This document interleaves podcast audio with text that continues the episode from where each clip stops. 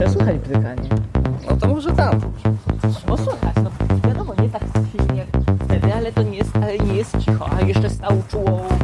Nie, no bo te trudnie tu dają taki fajny power. Ja tutaj sobie czasami... O, jak staniemy, to słychać.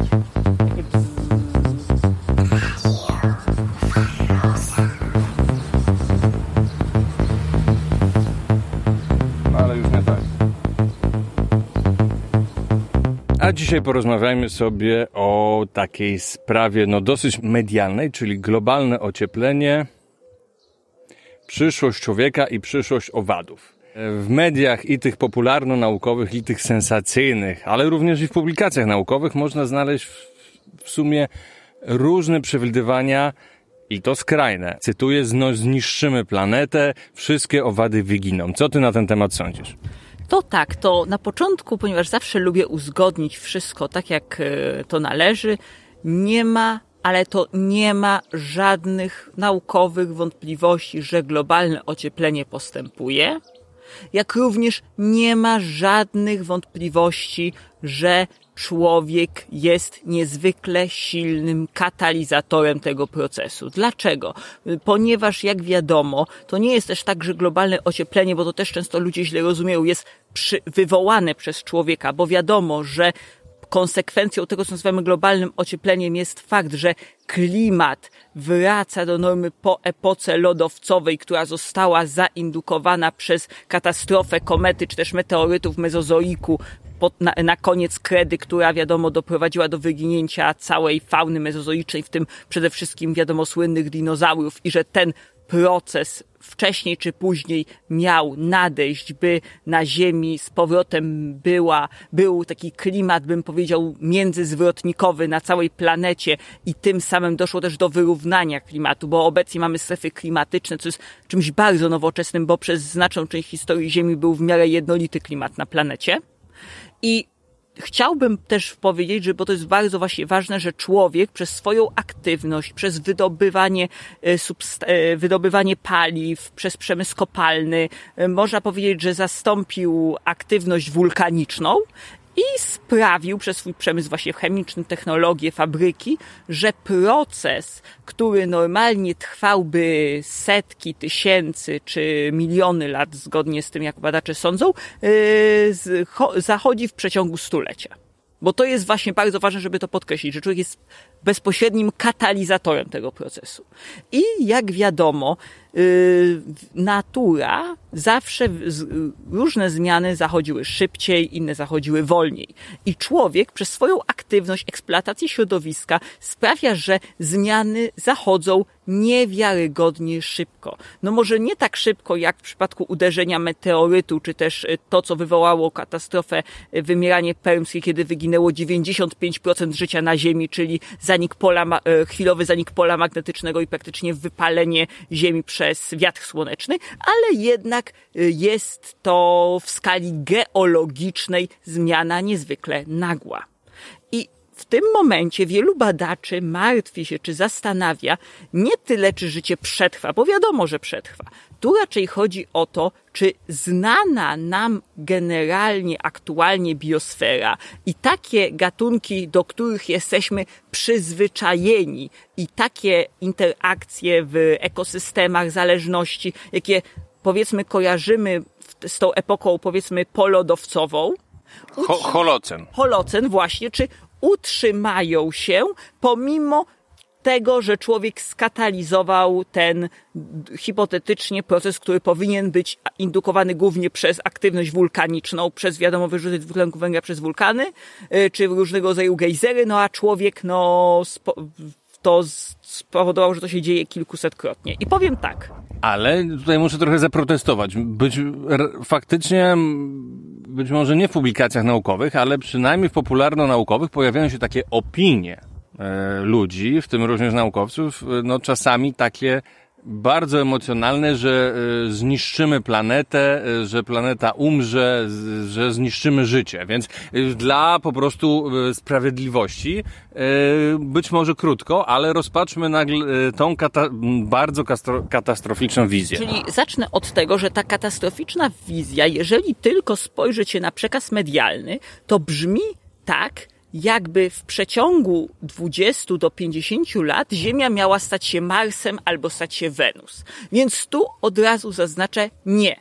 Ziemia nie stanie się ani Marsem, ani nie stanie się Wenus. Dlatego, bo biosfera nie zniknie. Tak samo nie zniknie hydrosfera, póki co nie jest zagrożona magnetosfera i znaczna litosfera i znaczna część, część y, aktywności geologicznej Ziemi nie jest zagrożona. Płyty tektoniczne się nie rozpadają, i w aktualnym momencie też nie grozi nam żadna eksplozja słoneczna, ani też nie ma żadnego w okolicy meteorytu, który również mógłby być, yy, mieć na to istotny wpływ, więc to, co będziemy obserwować, to jest stopniowe zanikanie stref umiarkowanych i okołobiegunowych i zwyci- powolne zwyciężanie środowiska międzyzwrotnikowego, takiego bym powiedział typowo równikowego dla całej Ziemi.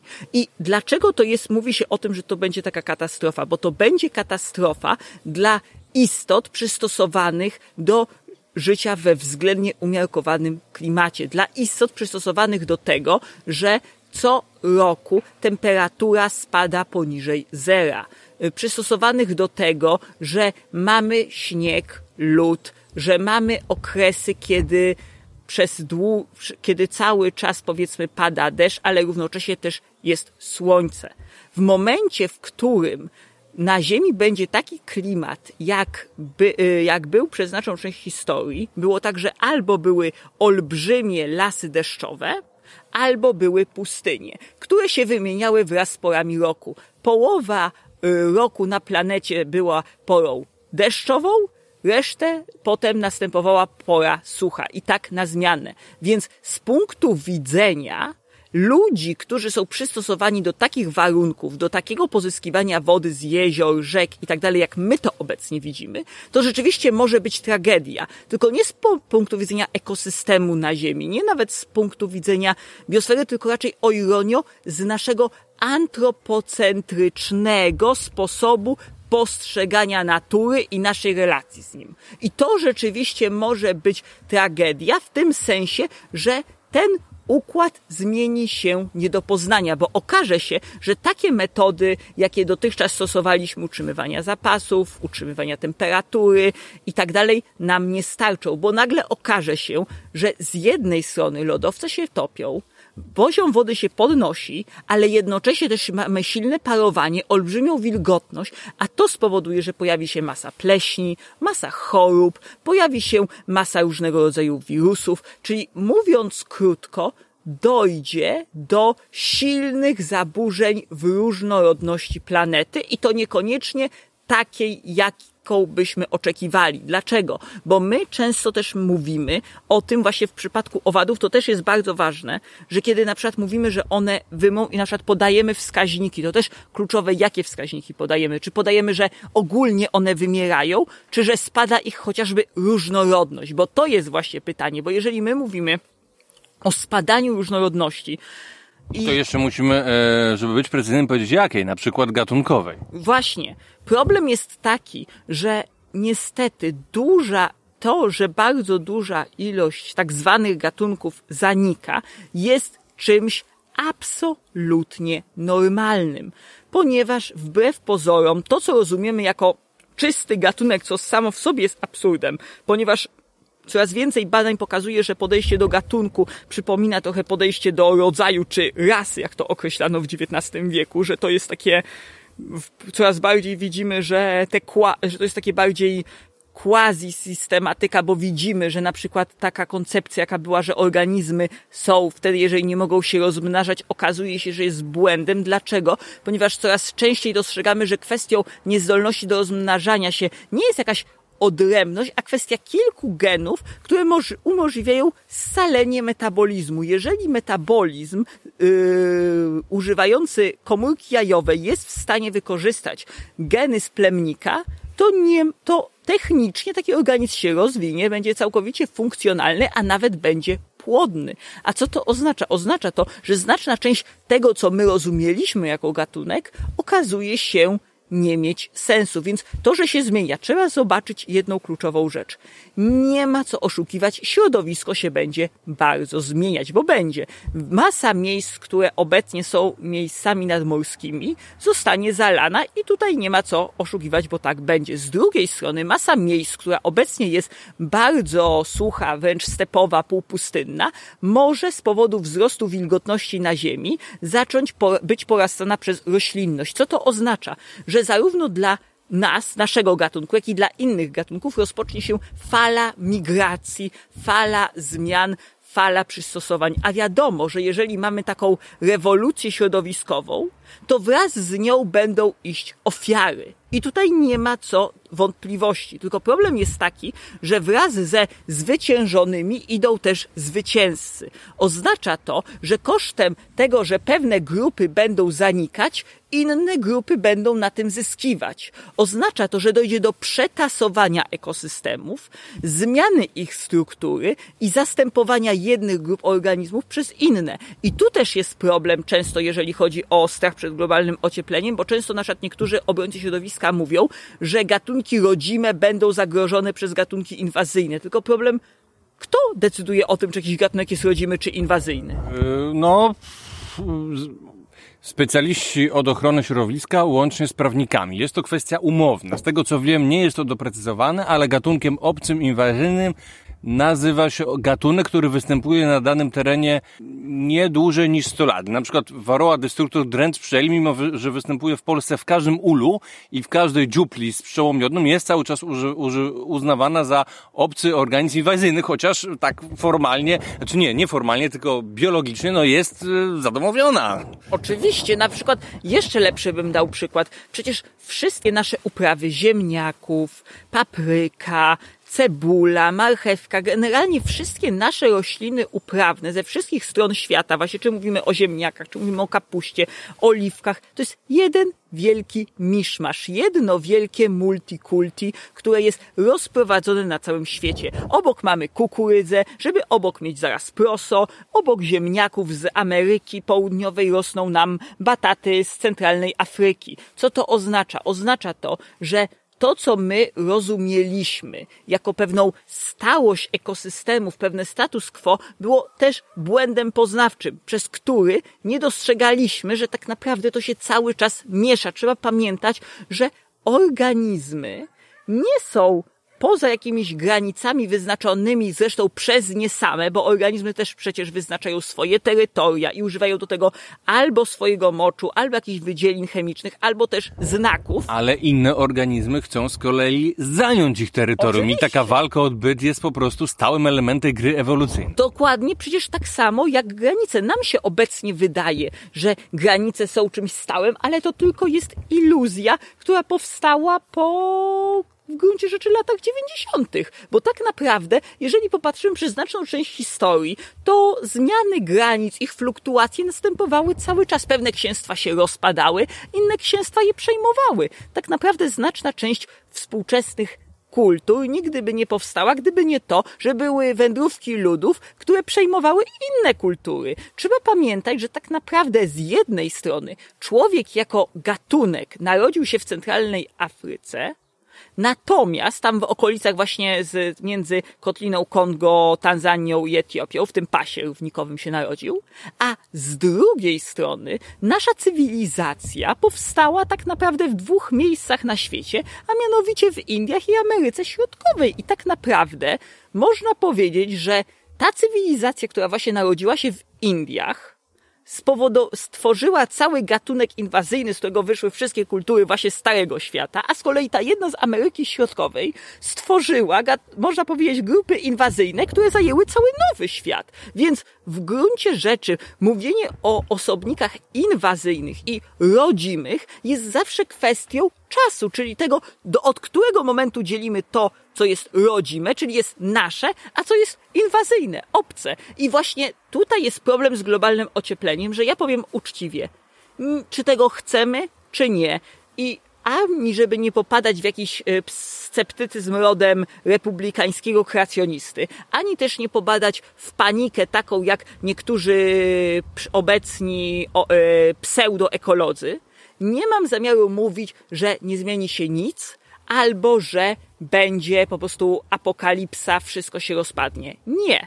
Ja powiem tak, nie jesteśmy obecnie w stanie przewidzieć, co się wydarzy w przeciągu następnego stulecia. Wiemy co najwyżej, że zmienią się bardzo gwałtownie warunki, a przez naszą właśnie emisję i udział w tym Ziemia o wiele bardziej będzie przypominać swój stan z epoki albo karbonu, albo yy, środkowej jury. Dlatego, jeżeli o mnie chodzi, wiadomo, że nigdy nie można e, wejść dwa razy do tej samej rzeki, ale osobiście uważam, że najlepszym, co możemy zrobić w tym momencie, kiedy wiemy, że ten proces postępuje, w dodatku tyle zmian, ile my robiliśmy teraz, a przecież nie, nie powstrzymamy ich nawet nie dlatego z powodu przemysłu paliwowego, ale przecież, żeby budować wiatraki, żeby budować elektronikę, żeby wydobywać materiały radioaktywne niezbędne do budowy elektrowni atomowych, cały przemysł musi cały czas iść naprzód. Trzeba cały czas przetwarzać plastik, trzeba pobierać nowe obwody, do budowy obwodów krzemowych i obwodów miedzianych. Trzeba cały czas te kopalnie zasilać. Po prostu zmieni, nie, zmienia się surowiec. Zamiast surowca A używamy surowca B póki co, jak yy, mogę uczciwie powiedzieć, że raczej wątpię, żeby loty w kosmos miały nam dawać surowce, bo więcej zabierają niż wciąż dają, więc to oznacza, że wciąż będziemy eksploatować surowce na Ziemi. Więc to oznacza, że oczywiście, że może to też spowolnimy nasz proces, ale ilość katalizy, jaką rozpoczęła epoka przemysłowa do tego momentu, pędzi nieubłaganie. Oznacza to, że musimy się pogodzić z tym, że świat jaki poznaliśmy, w jakim się rozwijaliśmy te, y, przez cały ten czas, czyli właśnie ten świat holocenu, umiera i coraz bardziej zaczyna przeistaczać się w coś, co przypominał, co ja bym nazwał takim okresem właśnie ten antropocen neokarbonem, bo uważam, że neokarbon jest dobrym do tego określeniem oironio też. Dlaczego? Ponieważ znaczna część złóż, yy, których my używamy, pochodzi właśnie z karbonu, z okresu, kiedy była olbrzymia ilość tlenu w atmosferze, a, która wynosiła około 30%, a ilość dwutlenku węgla dochodziła nawet do 2%. I problem jest obecnie taki, że my z naszą mentalnością, z naszą kulturą, z naszymi tradycjami, z naszymi rytuałami, z naszymi nawykami żywi żywieniowymi i naszymi preferencjami musimy zdać sobie raczej sprawę z tego, że bardzo wiele miejsc na świecie yy, zmieni się w sposób nieodwracalny. Czyli najlepsze, co można zrobić, to nie bać się tego, krzyczeć y, na ludzi, żeby zaprzestali przemysłu, żeby to spowolnić. W tym momencie to, co zrobiliśmy, to zrobiliśmy i od razu też powiem, większość zwierząt, w tym chociażby właśnie owadów, na pewno nie wymrze, bo wprost przeciwnie, powiem od razu dla niezaznajomionych, że karbon, tak jak mezozoik to był okres, kiedy dinozaury królowały na Ziemi, tak karbon to był okres, kiedy owady panowały na Ziemi. Występowały wtedy ważki i karaczany wielkości kruków czy gołębi. Były Wtedy też yy, żyły gigantyczne wręcz stawonogi, czasami nawet wielkości kajmanów czy krokodyli. Był to okres rozkwitu życia. Było wtedy olbrzymia ilość widłaków, paproci, mchów, grzybów, które budowały niezwykle skomplikowane ekosystemy. Problem jest tylko taki, że ten świat dla naszej fizjologii i dla behawioru stworzeń z holocenu czy pleistocenu, które przeżyły do dziś, może być bardzo ciężki do wytrzymania. I z tego powodu najlepiej jest zająć się badaniem, jak będzie jak będzie to mniej więcej wyglądać, nie jak to będzie na 100%, tylko jak to wyglądało w epokach, powiedzmy tych właśnie, kiedy Ziemia była tą tropikalną wyspą i zastanowić się, co możemy zrobić, żeby jak najwięcej ludzi sobie z tym poradziło. Bo ja uważam, że wbrew pozorom w tym wypadku to nawet nie chodzi o naturę, co chodzi głównie o nas samych, o nasze właśnie nawyki, o to, czego chcieliśmy i tak dalej. Dlaczego? Bo bardzo dużo ludzi, głównie nawet tutaj przyznaję od nas, ze strefy umiarkowanej, jest była zawsze przyzwyczajona, że są cztery pory roku. Wiosna, lato, jesień i zima. Jak już widzimy, praktycznie śnieg pada coraz rzadziej i temperatura cały czas się uśrednia, bo to jest bardzo ważne. Ona nie tylko wzrasta, ale ona przede wszystkim na świecie się uśrednia. Oznacza to, że takie rzeczy jak na przykład upały, jakie są e, na Bliskim Wschodzie, czy właśnie w Indiach, monsuny i tak dalej, staną się integralną częścią również na przykład Europy czy Kanady. Więc to sprawi, że masa roślinności z tych terenów i masa zwierząt wymrze i będzie miała problemy z przeżyciem.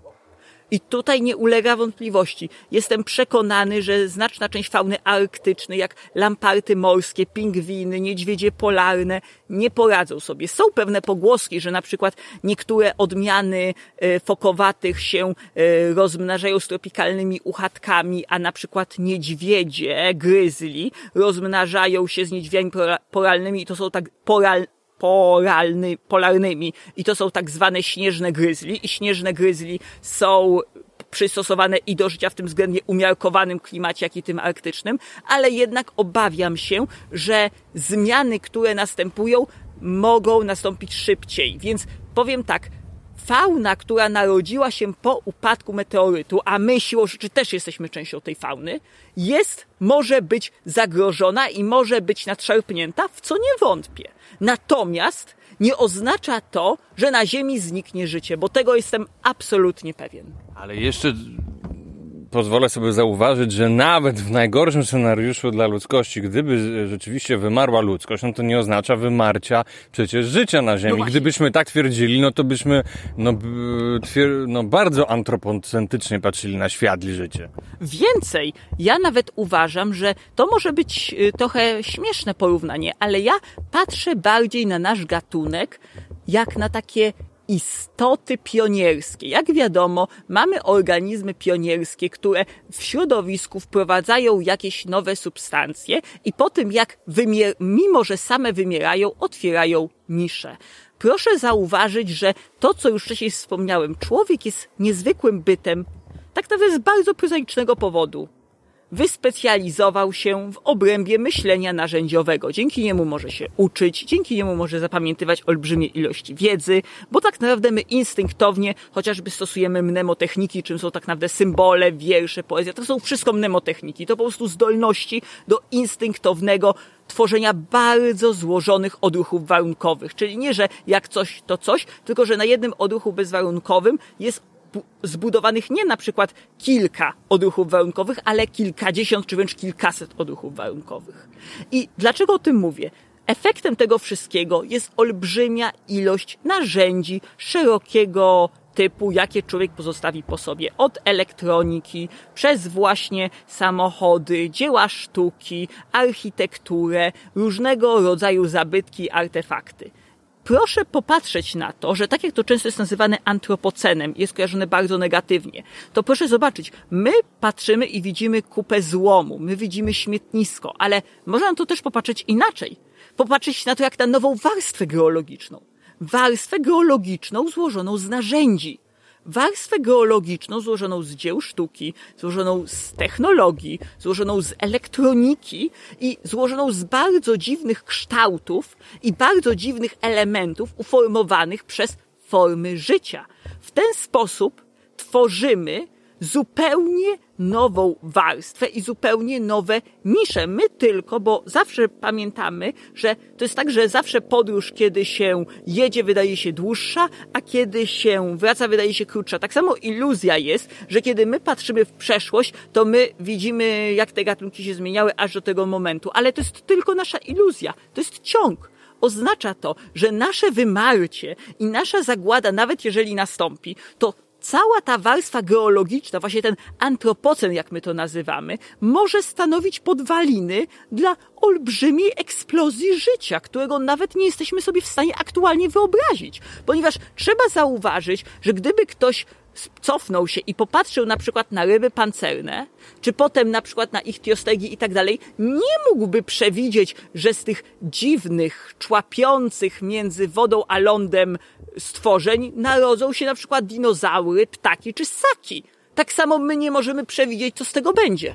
Ale nie mogłyby, na przykład ssaki nie mogłyby tak rozkwitnąć, gdyby nie też proces destrukcji. W naturze, w ewolucji jest to fascynujące, że proces kreatywny i destruktywny są ze sobą nierozerwalnie związane. Ja nawet uważam, że lepiej właśnie y, patrzeć na to w taki sposób, że my normalnie jak mamy bodźce przeciwstawne, my je antagonizujemy. W nauce i w, szczególnie w biologii na przeciwieństwa trzeba patrzeć w sposób komplementarny. Przeciwieństwa się uzupełniają, a nie ścierają. I właśnie tutaj jest ten podstawowy problem, który też dużo osób nie dostrzega, że w momencie zagłady człowieka i zostawienia tej kupy śmieci, czyli tak naprawdę zupełnie nowej warstwy geologicznej, na tej warstwie zostanie masa stworzeń, które będą z nią wchodzić w interakcję i ją pozyskiwać i eksploatować dokładnie tak, jak my eksploatowaliśmy inne warstwy. Oznacza to, że będą wykorzystywać to, co je otacza, do ich własnych celów. I tak jak właśnie nigdy nie narodziłyby się dinozaury, gdyby nie zagłada permska. Więcej powiem, że gdyby ludzk, yy, gdyby w karbonie nie doszło do nagłego spadku dwutlenku węgla i tlenu, bo to doszło niemal równocześnie, prawdopodobnie też z powodu jakichś burz magnetycznych, bo tutaj niestety nie jesteśmy pewni, to życie kręgowce nie miałyby niszy, ponieważ duże stawonogi zajmowałyby planetę.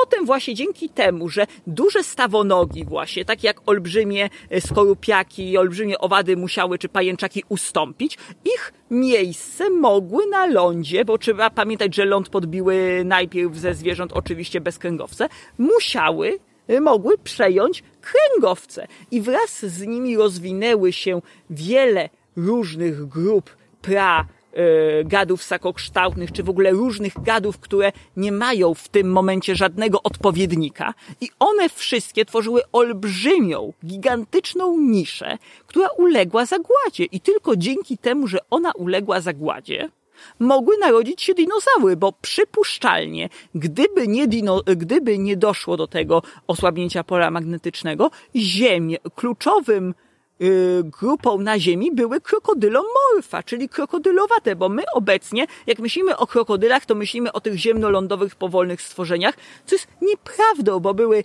padlinożerne, roślinożerne, owocożerne, nadrzewne, krokodylowate. Krokodyle budowały olbrzymią, y, olbrzymią niszę, były olbrzymią grupą istot, która zajmowała kluczową część ekosystemu i tak naprawdę zajmowała wszystkie poziomy konsumentów, od pierwszego rzędu podrapieżników szczytowych. Dopiero ich wymarcie pozwoliło zaistnieć dinozaurom. A z kolei trzeba też pamiętać, że w czasie, kiedy na Ziemi były dinozaury, rozwinęła się też grupa pterozaurów, które osiągały często olbrzymie rozmiary, niektóre przypominały po prostu średniowieczne smoki z mitów czy grotron, bo były też bardzo różnorodne pterozaury i teraz powiem bardzo ważną rzecz, że fakt, że ptaki podbiły niebo, zawdzięczamy też upadkowi meteorytu. Dlaczego? Bo tak jak na lądzie dinozaury wypierały ssaki i tak naprawdę nic poza ryjówką czy czymś przypominającym mysz nie było w stanie się rozwinąć,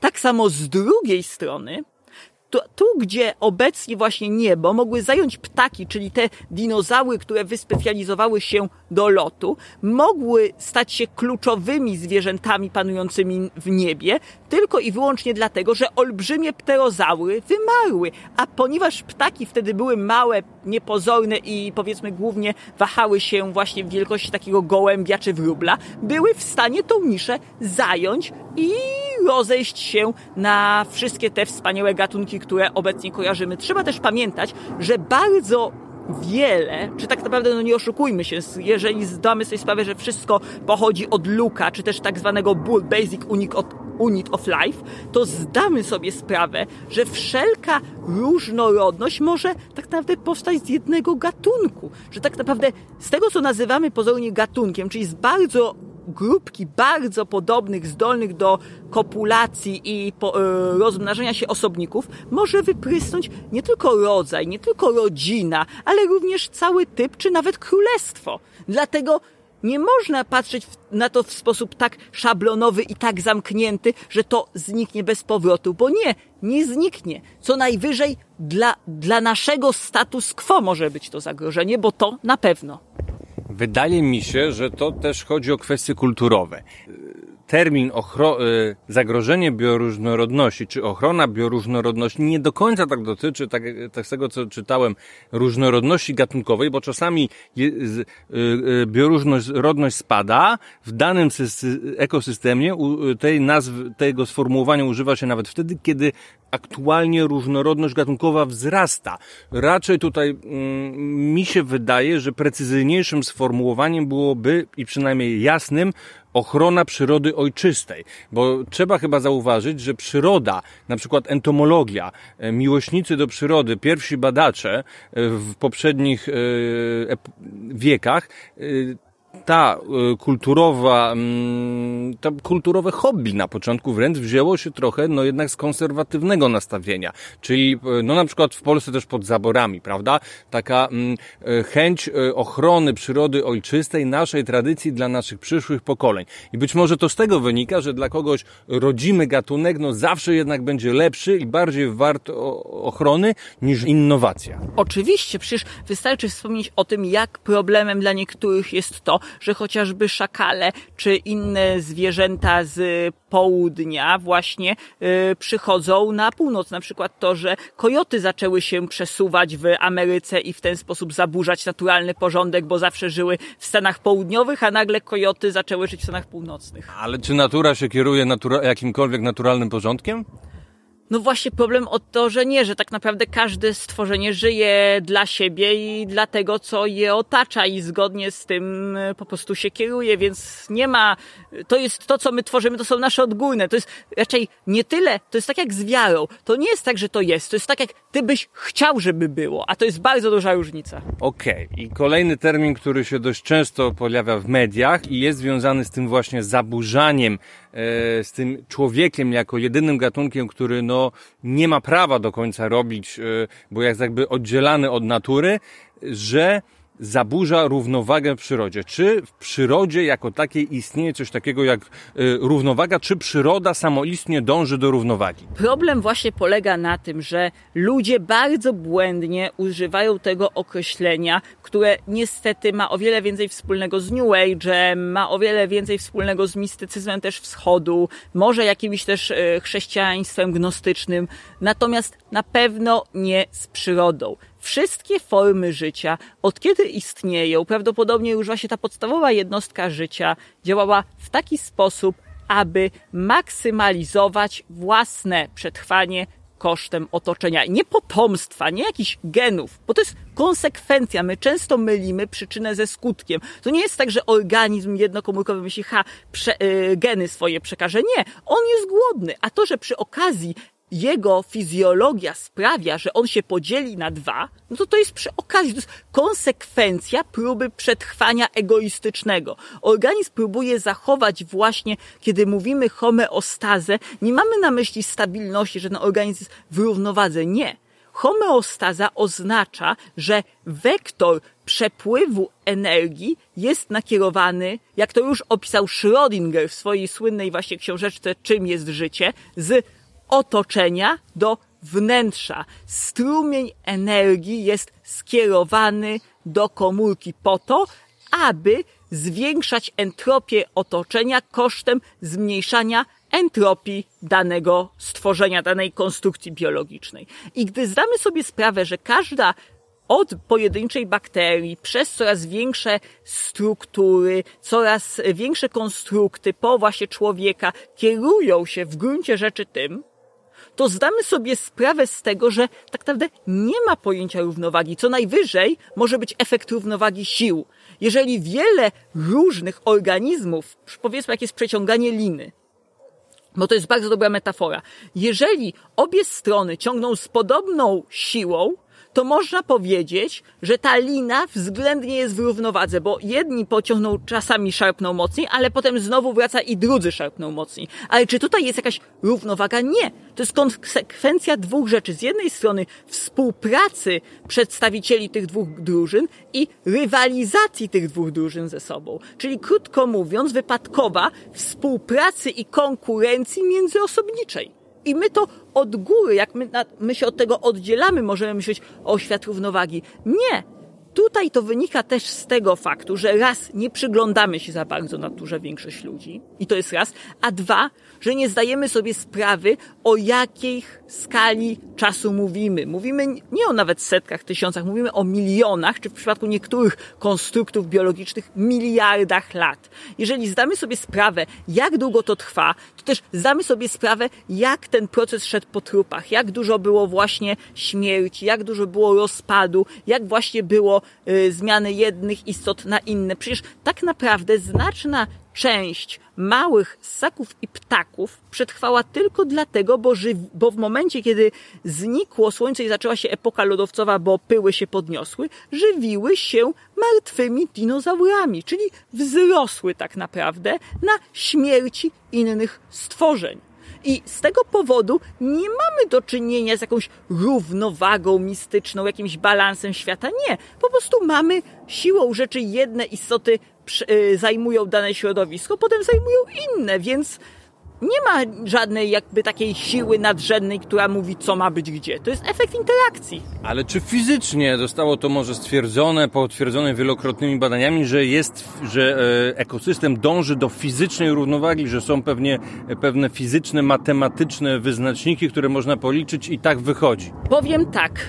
Z tego, co ja się znam na biologii, z tego, co sam o tym czytałem, mogę powiedzieć, że czasami jest używany określenie klimaksu, ale to jest po raz kolejny błąd interpretacji i znowu błąd poznawczy, ponieważ, tak jak dałem wcześniej ten argument z liną, mamy równowagę, obie strony ciągną, ale w momencie, kiedy jedna strona będzie słabsza, to druga to przeciągnie. Co to oznacza? Czy to oznacza, że to jest równowaga? Nie ta to jest pozorna równowaga, kiedy patrzysz na to z zewnątrz, wynikająca z tego, że wszyscy członkowie tej grupy dają z siebie metaforyczne 100%.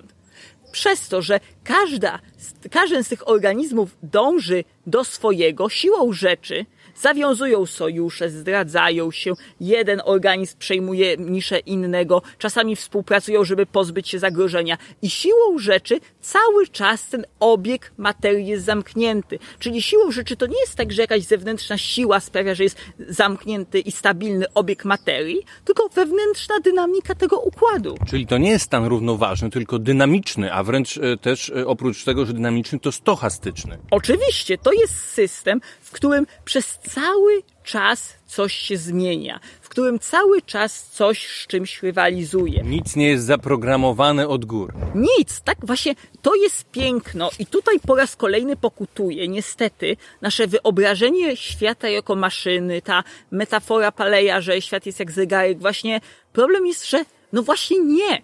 Właśnie o wiele lepiej jest myśleć o życiu bardziej jak o, nie o zegarku, a raczej krystalizujących się pod wpływem środowiska minerałach, jak stalaktytach, które rosną w jaskini, pod wpływem opadania wody.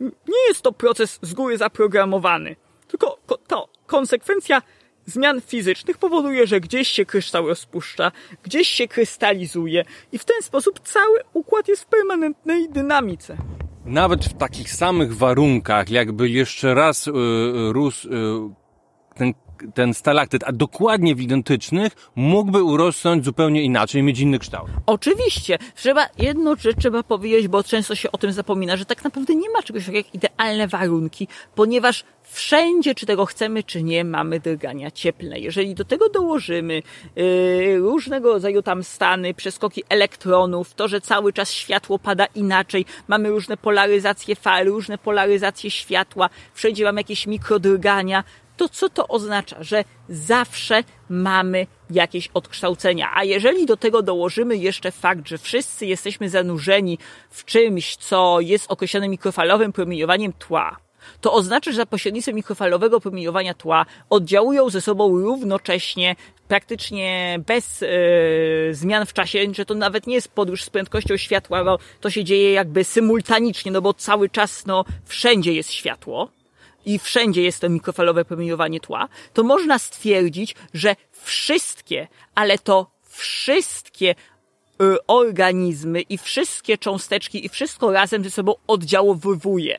A skoro wszystko ze sobą oddziałowywuje, no to nie może być dwóch identycznych.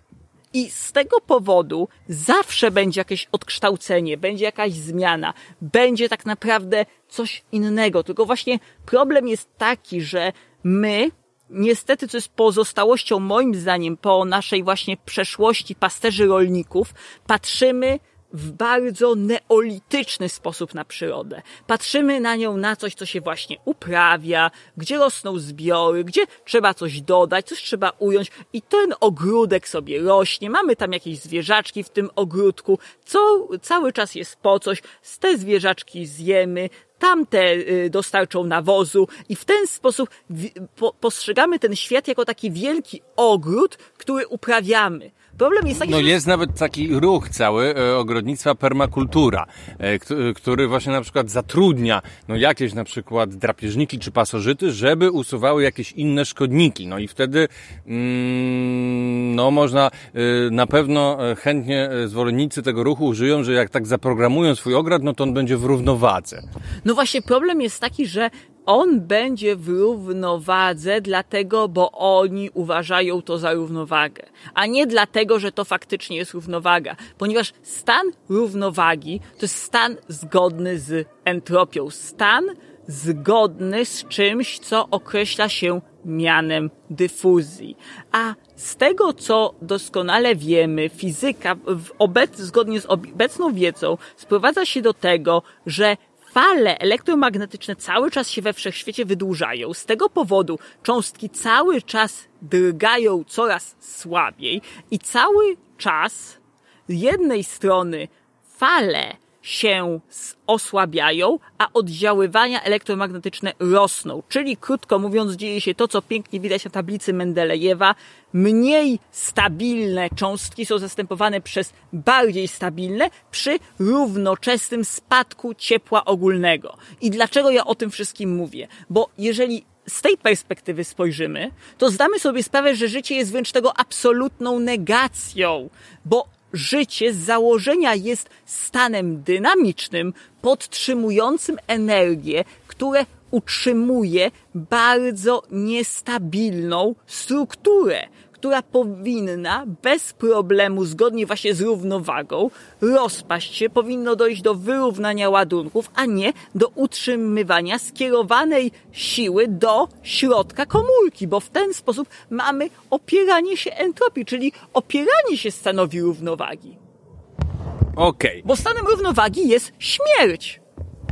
Okej, okay. jest też e, drugi problem z tym związany, który poruszyłeś, e, często też poruszany w mediach, mianowicie no, e, człowiek też dokłada się do globalnego ocieplenia. Globalne ocieplenie no, jest e, presją środowiskową, na przykład na owady. Do tego dokłada się intensyfikacja rolnictwa, używanie pewnych substancji jak pestycydów, pestycydów pofragmentowanie środowiska. To wszystko... Antybiotyki i hormony dodawane do różnych rzeczy. To wszystko może doprowadzać do mm, po prostu wymierania części organizmów spotyka się też takie sformułowanie, że człowiek doprowadza do szóstego masowego wymierania owadów. W ogóle organizmów i w tym owadów. A już najbardziej katastroficzne e, w niektórych badaniach jest napisane insect decline, e, tak wychodzi z analiz, zostaje czasami zamienione na insect, insect, insectogedon, z Armagedonu. Czyli, że wyginą wszystkie owady na świecie na skutek tych zmian. Czy coś takiego jest prawdopodobne e, i czy rzeczywiście e, no, człowiek doprowadza do szóstego masowego wymierania? Powiem tak. Y, zgodnie, jeżeli ktoś lubi New Age, lubi mistycyzm, to wie, że najwspanialszą liczbą jest siedem, a ponieważ to szóste, to jeszcze nam brakuje jednego wymierania do sukcesu. Zawsze jakieś stworzenia powodowały wymieranie. Czasami były to organizmy tlenowe, sinice, które doprowadziły do zniszczenia organizmów beztlenowych. Czasem były to zaburzenia pola magnetycznego, które sprawiały, że zanik pola sprawiał, że Ziemia przestała być chroniona, tlen y, ulatniał się z planety i Ziemia obumierała. Czasem było to uderzenie meteorytu, czasem było to y, spowodowane tym, że zaburzenia klimatu sprawiały, że wegetacja była obniżona i organizmy nie miały jak przeżywać i znaczna ich część umierała.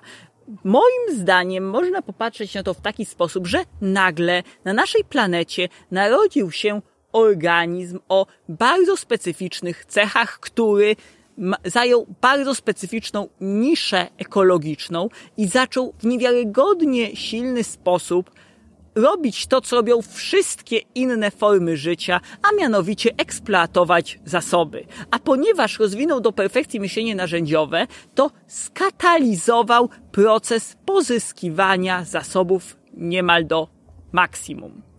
I w momencie, kiedy tak na to popatrzymy, z tej perspektywy, że to jest po prostu super specjalizacja w pozyskiwaniu coraz większej ilości zasobów, to nie, nie może być możliwości, żeby taki system nie uległ silnym zmianom. On musi ulec zmianom, bo pojawiły się formy życia, które silnie go zakłóciły. Trzeba pamiętać, że to nie jest tak, że to musi być konkretnie człowiek, bo taki przykład, kiedy dostały się na e, jakąś, e, właśnie płynąc z ludźmi, jakieś inne zwierzęta, to one również sprawiały, że e, wypierały zwierzęta z ich naturalnych środowisk, czy doprowadzały do bardzo silnego spadku pierwotnie bioróżnorodności. Wystarczy króliki w Australii czy na przykład y, konie, które jak uciekły w Ameryce, to były przecież olbrzymie ilości mustangów, które zaczęły sobie żyć i przejęły praktycznie y, stepy całej Ameryki Północnej. Trzeba pamiętać psy dingo, które zdziczały i stały się naturalnym elementem, no, z sakami łożyskowymi pośród torbaczy.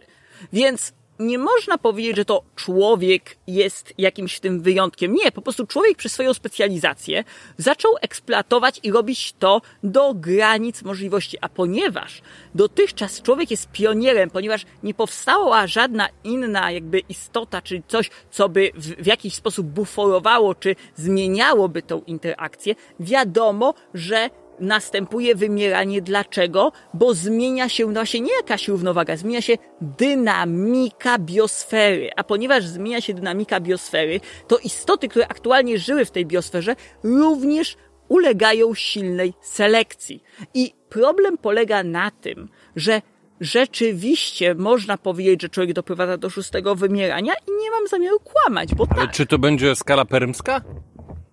Obawiam się, że nie. Obawiam się, mówię obawiam się dlatego, że e, być może ludzie lubią niesamowitości, widać to szczególnie jak chodzimy do kina. Więc Lubią nakręcać się na, na negatywizm. lubią nakręcać się na, powiem nawet coś spektakularnego, coś, co jest monstru, e, monstrualne, monumentalne i wydaje mi się, że taka wizja tego szóstego wymierania, które po prostu jest Armagedonem, apokalipsą, która po prostu sprawia, że świat po prostu wywraca się do góry nogami, ma w sobie taką iskrę romantyzmu. Ma taką iskrę, która na swój sposób jest piękna i straszna. Równocześnie bardzo dużo ludzi, no to lubi, wystarczy popatrzeć na filmy. I dlatego ja uważam, że Podkreślam, jak wspominałem, nie wiemy, jak to się stanie. Wiemy tylko, że nasza eksploatacja paliw kopalnych sprawiła, że proces, który powinien dziać hipotetycznie setki tysięcy lat, dzieje się bardzo szybko, bo człowiek działa jak taka aktywność wulkaniczna. Więc można powiedzieć, że nawet jeżeli doprowadzi do wymierania i nawet jeżeli ono będzie spore, no to tak jak ja powiedziałem, niestety mówi się trudno. Pojawiła się nowa nisza, pojawił się nowy organizm o zupełnie nowym behawiorze i jeżeli on sam uszczupli własną populację, co póki co udaje mu się też to moim zdaniem całkiem skutecznie, patrząc na historię nasz, y, naszego świata. Całkiem niedawno powiedzmy żyjemy we względnym spokoju w różnych częściach świata, więc jeżeli ten proces uszczuplania populacji, powiedzmy, człowiekowi też skutecznie pójdzie i przy tym całego świata, no to stwierdzimy, że po prostu pojawił się jeden organizm, który swoją aktywnością nawet właśnie nie zaburzał równowagę, przeszkadzał w procesach innym organizmom, które można powiedzieć, że prześcigną w tym procesie, a potem w momencie, kiedy z różnych powodów ten proces się zakończy, być może zostanie wyparty przez istoty o zupełnie innej jakości, które na przykład zaczną na tym żyć i dla nich ten świat, który my obecnie uważamy za zniszczony, dla nich będzie perfekcyjny. No dobrze, ale czy w wyobrażalnej skali dla człowieka przyszłych pokoleń jest prawdopodobne, że wymrą wszystkie owady na świecie, że nastąpi zagłada owadów lub być może co innego, być może jest, są pewne jakieś grupy owadów, które te zmiany klimatyczne będą sprzyjały? Powiem tak. Obecnie wiemy, że owady są bardzo różnorodną grupą. Uczymy się już tego w szkole podstawowej.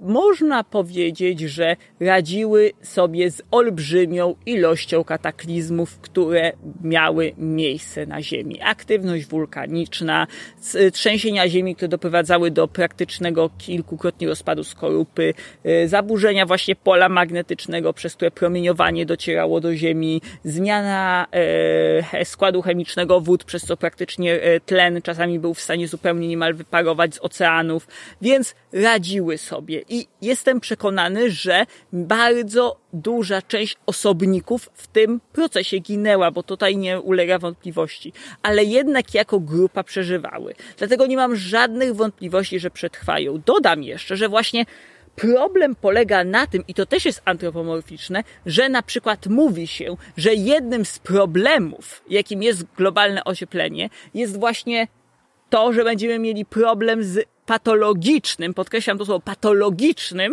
wzrostem populacji szarańczy i karaczanów.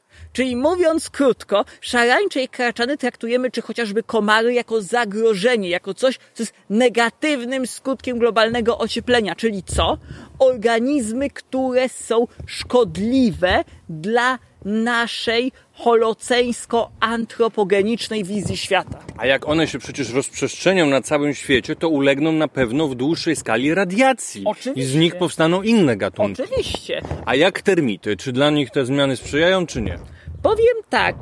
To są stworzenia, które potrafią radzić sobie bardzo dobrze. Trzeba zauważyć przede wszystkim to, że ludzie bardzo dużo zwierząt, które polowało na termity, zaczęli wybijać. No, chociażby pangioliny, mrówniki, mrówkojady, inne owadożerne ssaki. Z tego powodu bardzo dużo termitów straciło naturalnych wrogów. A ponieważ duża część termitów znaczną też część życia poświęcała na walki, na ochronę i właśnie cały czas musiała się liczyć z tym, że zawsze przyjdzie jakiś mrówkojad, wejdzie i będzie wylizywał, musiały prowadzić walki, to też to zawsze hamowało w momencie, w którym zanikł ten problem, zaczęły się patologicznie rozrastać. I też dodam więcej, że to jest też traktowane jako negatyw globalnego ocieplenia. Dlaczego? Bo zaczęły masowo atakować chociażby plantacje. Zaczęły masowo atakować różne pola uprawne, zaczęły masowo atakować mieszkania, zaczęły masowo atakować ogrody, lasy i tak dalej. Dlaczego? Ponieważ nie ma siły, która powinna nas, jak to oni właśnie mówią, chronić nas przed tą katastrofą, bo w tym momencie te organizmy są złe. I krótko mówiąc, zdobyły znaczną część niż, znacznie więcej bezpieczeństwa, a wzrost temperatury był tym, co sprawiało, że termity nie były w stanie iść w górę. Musiały się zatrzymać na na środowisku tropikalnym międzyzwrotnikowym, a już teraz zaczęły się pojawiać we Francji, w Niemczech, póki co niższe, ale jeżeli tak dalej pójdzie, to i wraz z nimi z czasem pójdą termity wyższe. I to sprawi, że zmiana środowiska doprowadzi do tego, że zaczną zajmować coraz dalsze połacie terenu w naszym środowisku. W dodatku jeszcze zmówi się o tym, że będzie bardzo dużo pasożytów, pojawi się bardzo dużo chociażby różnego rodzaju grzybów, które będą toksyczne, więc po raz kolejny mówimy o tym, że wzrośnie ilość istot, których nie chcielibyśmy widzieć. Nie, że i właśnie tych istot wzrośnie bardzo dużo, bo warunki, które powstają są idealne chociażby dla grzybów. Więc. Czyli, nie jest to problem powiedzmy natury czy przyrody, tylko problem humanizmu. Problem, tak, obecnej sytuacji, ja bym powiedział, to jest problem fauny y, holocenu oraz problem antropocenu, czyli krótko mówiąc, tego jak człowiek, środowiska, do jakiego człowiek się przez te tysiące lat dostosował. Tak bym powiedział. To jest problem tego.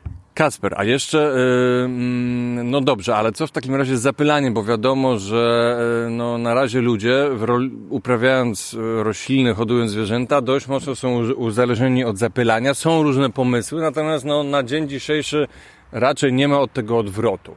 Czy tutaj będzie jakiś problem, czy nie. Czy te na przykład inne owady, które będą miały się lepiej pod, pod wpływem tej zmiany klimatycznej, będą mogły zastąpić te owady? To przede wszystkim trzeba zacząć od jednej kluczowej rzeczy, o której zapominamy owady, szczególnie właśnie pszczoły, nie zapylają dlatego, że dbają o naturę, tylko jest to konsekwencja tego, że pozyskują nektar.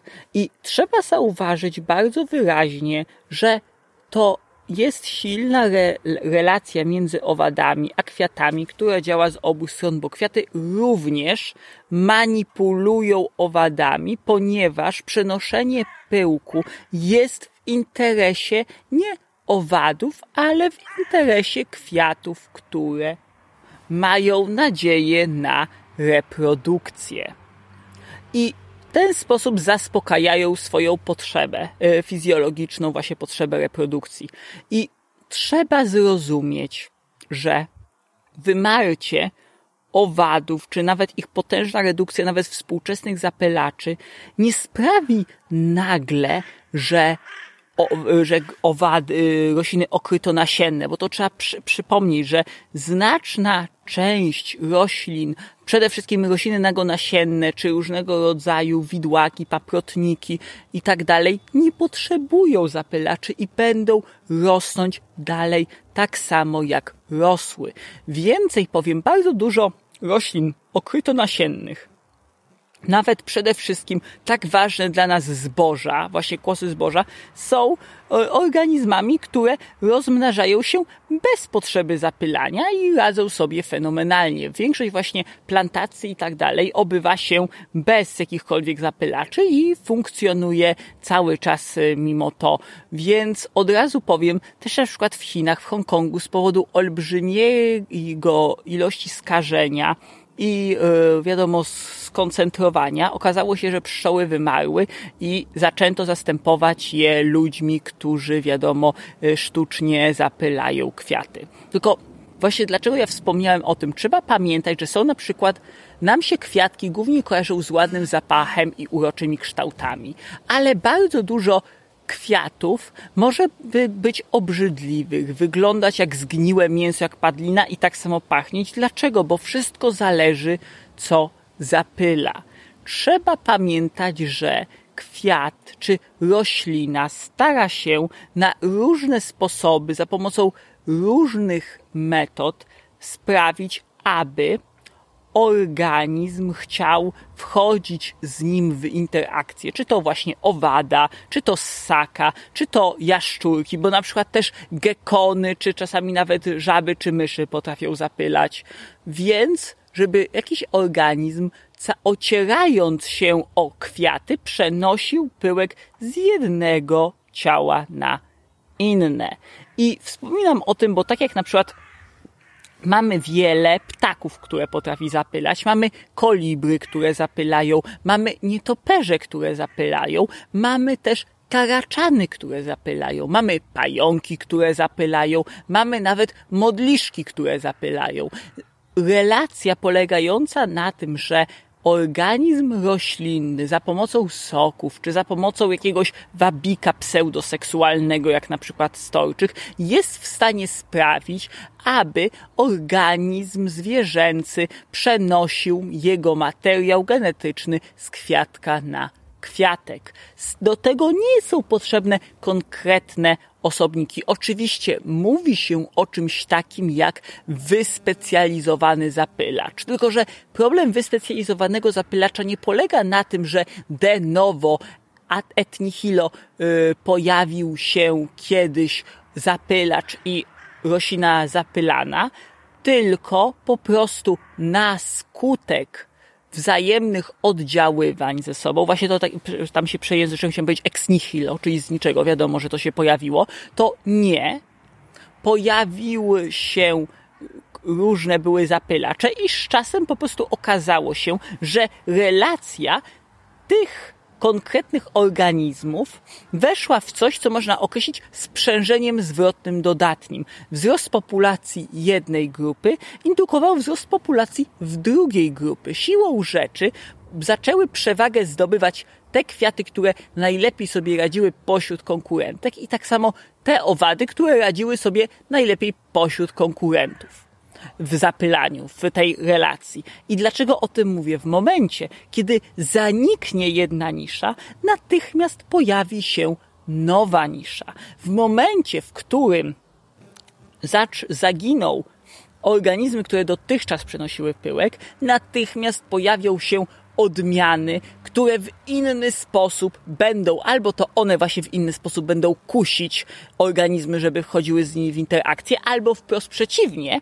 to inne owady zwabione substancjami odżywczymi, jakimi są właśnie pyłki czy soki roślinne, będą chciały wchodzić z nimi w interakcję, więc widać, że będzie to zachodzić z obydwu stron. Presja na to, żeby znaleźć zapylacza, zachodzi zarówno jest ważna dla rośliny, a z drugiej strony presja, żeby znaleźć substancje odżywcze, sprawi, że na pewno jakiś zapylacz się trafi. Jeżeli teraz przyjrzymy się bogactwu różnych zwierząt, to zdamy sobie też sprawę, że bardzo dużo zwierząt, na przykład owadów, nie zapyla nie dlatego, że nie może tego robić, tylko dlatego, że obecne zapylacze stanowią dla nich zbyt dużą konkurencję i uniemożliwiają im prowadzenie tego procesu i zyskiwanie niezwykle odżywczej substancji, jaką są pyłki chociażby. Okej, okay, czyli całkiem możliwe, że inne po prostu y, owady też będą zapylały po prostu. Oczywiście. Na przykład już wiemy, że bardzo wiele karaczanów tropikalnych jest w stanie bez problemu wchodzić na rośliny i przenosić pyłek z jednego na drugie, po prostu, e, e, po prostu ponieważ spożywają soki roślinne i ponieważ jest ich dużo i też e, lubią się żywić różnymi roślinami, z wielką łatwością to robią. Trzeba też pamiętać o znienawidzonych przez większość ludzi muchach, które wydają nam, y, y, wydają się, że siadają właśnie na wszystkim, a skoro siadają na wszystkim, no to tym łatwiej zwabić je kwiatowi, żeby przeskakiwał, przeskakiwał z jednego kwiatka na drugi. I właśnie bardzo wiele, o, o, bardzo wiele kwiatów wykorzystuje do tego celu muchy, aby wykorzystywać je jako potencjalnych zapylaczy. Oznacza to, że nawet w momencie zagrożenia błonkówek okazałoby się, że olbrzymia ilość chrząszczy, olbrzymia ilość yy, karaczanów, olbrzymia ilość innych owadów spokojnie mogłaby te nisze zająć. A nie jest to problemem, że na przykład karaczany nie latają? Powiem tak, trzeba zapytać, nie latają. Właśnie tu jest paradoks, bo to nie jest tak, że one nie potrafią latać. One latają, tylko je latanie męczy. Dodam do tego, o czym mówiłem w poprzednich audycjach jeszcze o doborze płciowym, że w przypadku karaczanów samców posiadanie skrzydeł jest silnym wabikiem seksualnym na samicę. Samiec bardzo często w trakcie tańca godowego rozpościera skrzydła i pokazuje, że potrafi nimi machać, potrafi nimi poruszać, aby zachęcić do siebie potencjalną partnerkę. Co to znaczy? A na, y, że on wciąż posiada je funkcjonalne. Więcej, na przykład bardzo dużo periplaneta, na przykład periplaneta Australia, periplaneta Americana i jeszcze bym wymienił kilka periplaneta z Australii, czyli wszystkie przybyszki, bo to jest przybyszkowate, mają skrzydła zarówno samce, jak i samice. I potrafią latać, jeżeli jest wystarczająco ciepło i wilgotno. A ponieważ wraz z globalnym ociepleniem zwiększa się zarówno temperatura, jak i wilgoć, oznacza to, że będzie o wiele większa presja selekcyjna na osobniki, które ze względu czy to na zdolność do lotu, czy to na zdolność do robienia spektakularnie dużych podskoków, jak chociażby pasi-koniki, będą w stanie sobie spokojnie przeskocz, przeskakiwać właśnie tak jak właśnie z, na duże odległości i tym samym zapładniać y, rośliny. Ja tutaj jeszcze dodam tak pół żartem, pół serio, że myślę, że większość ludzi by jakby przekonywać ludzi nie tą wizją pustyni, wizją katastrofy, wizją głodu na świecie, tylko przekonać ludzi tym, że z powodu globalnego ocieplenia karaluchy zaczną latać. I myślę, że to byłby jeden ze skuteczniejszych sposobów kampanii reklamowej, aby powstrzym, y, aby ludzie nie chcieli globalnego ocieplenia. Dobra, no to tym śmiesznym akcentem zakończmy. Pozdrawiamy, dziękujemy za słuchanie. Ja również dziękuję i polecam się na przyszłość.